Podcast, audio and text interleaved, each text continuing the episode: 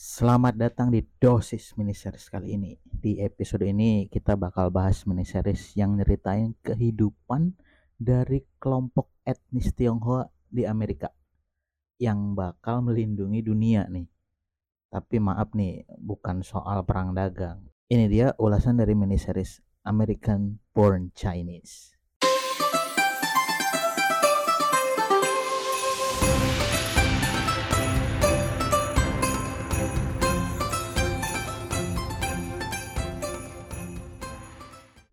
Buat kamu yang ngira miniseries American Born Chinese ini bakalan cerita soal kesenjangan sosial dan rasisme, kamu salah.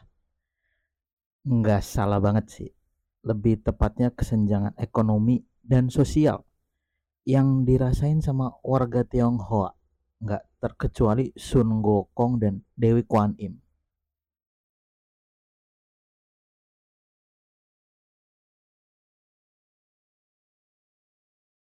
Kok bisa? American Born Chinese ngusung konsep multiverse soalnya antara kehidupan surga dan dunia. Jadi ada pertemuan antara penghuni universe yang disebabin adanya pemberontakan di surga yang bakal merembet ke bumi. Sayangnya pas di bumi penghuni surga harus puas dengan keadaan manusia yang beretnis Tionghoa ternyata menghadapi tantangan yang lebih ngancam kehidupannya, yaitu kestabilan ekonomi yang tergoncang.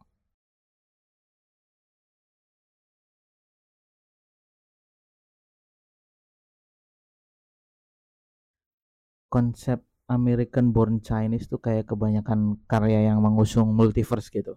Karakter dari verse yang lain datang terus nyesuaiin diri sama kehidupan sekitar, terus nyelesain masalah kayak gitu aja yang jadi pembeda di miniseries ini tuh terlibatnya dewa dan dewi dari kepercayaan etnis Tionghoa atau Konfusius. Bakalan agak aneh kalau yang ngelihat adalah penghanut Konghucu ya. Soalnya bakalan ngeliat Sun Gokong yang pakai skinny jeans dan Dewi Kwan Im yang mulai jalanin frugal living. Hal menarik lainnya adalah penempatan karakter Tionghoa yang berada dalam survival mode. Nih, sangat jarang ya kita lihat kalau di Indonesia. Banyak karakter etnis Tionghoa yang bisnisnya tuh sulit, karirnya stuck, hubungannya renggang, dan juga krisis identitas. Nah, menariknya lagi, keadaan ekonomi yang kekurangan tadi jadi hal yang paling menarik di mini series ini core-nya ada di situ. Kita di Indonesia kan jarang ya melihat orang Tionghoa tuh yang kesulitan secara ekonomi gitu. Nah, beda nih kalau gambarannya kalau orang Tionghoanya ini tinggalnya di Amerika.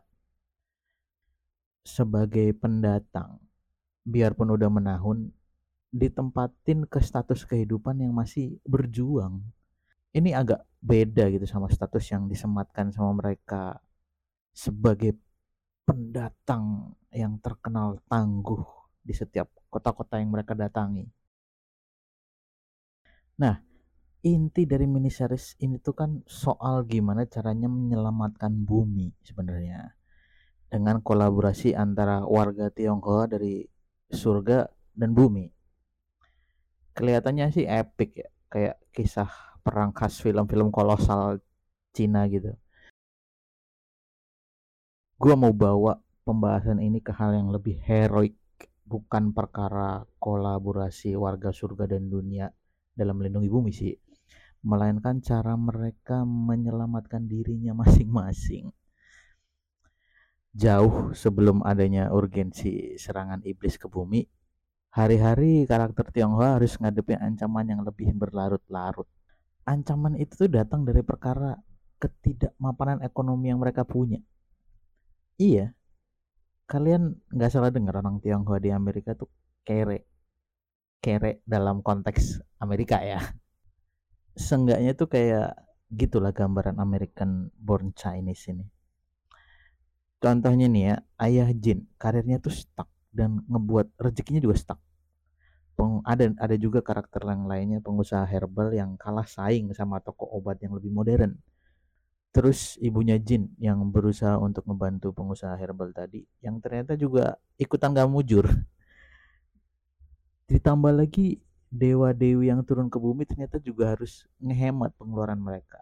Kayak contoh Dewi Kuan Im itu sampai dia itu apa namanya mengkurasi barang-barang mana yang harus kepake dan nggak kepake yang masih bisa dipakai gitu loh. Apa sih namanya kalau istilah frugal livingnya eh, yang di film Happy Old Year itu aku lupa. Pokoknya begitu. Ada proses di mana Dewi Kwan Im itu eh, milih-milih uh, barang-barang jadul gitu. Wah ini masih bisa dipakai oh itu udah nggak bisa dipakai kayak gitu jadi berhasil enggaknya mereka dalam menumpas serangan iblis ke bumi itu sebenarnya enggak membuat keadaan mereka berubah. Karena enggak ada dampak yang signifikan gitu terhadap perekonomian mereka setelahnya. Kawan-kawan dari surga kan bakalan balik tuh. Surga ya surga gitu loh. Harta di sana kecil kemungkinan gitu. Bakal dibagi nama mereka yang masih ada di bumi.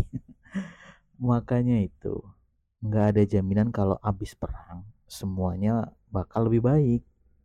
Lah orang masih punya tanggungan untuk melanjutin hidup. Kecuali yang emang udah di surga kan. Oke, segitu dulu untuk ulasan mini series kali ini. Sampai jumpa di ulasan selanjutnya. Ciao.